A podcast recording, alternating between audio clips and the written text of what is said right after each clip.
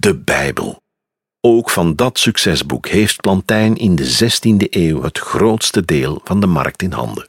Hij drukt de Bijbel in diverse formaten, in verschillende talen, in sterk uiteenlopende prijsklassen. Dit is zichtbaar een dure luxe uitgave. De indrukwekkende Biblia Sacra uit 1583. Het resultaat van drie jaar werk. Hij bevat 94 gravures van de hand van Vlaamse topkunstenaars die Plantijn al eerder gebruikte. Dat drukte de kosten en vergrootte zijn winst. Plantijn kreeg voor dit werkstuk ook subsidies van het Spaanse Hof. Klanten van dergelijke luxe bijbels zijn vooral kerken. De boeken zijn een Europees verkoopsucces.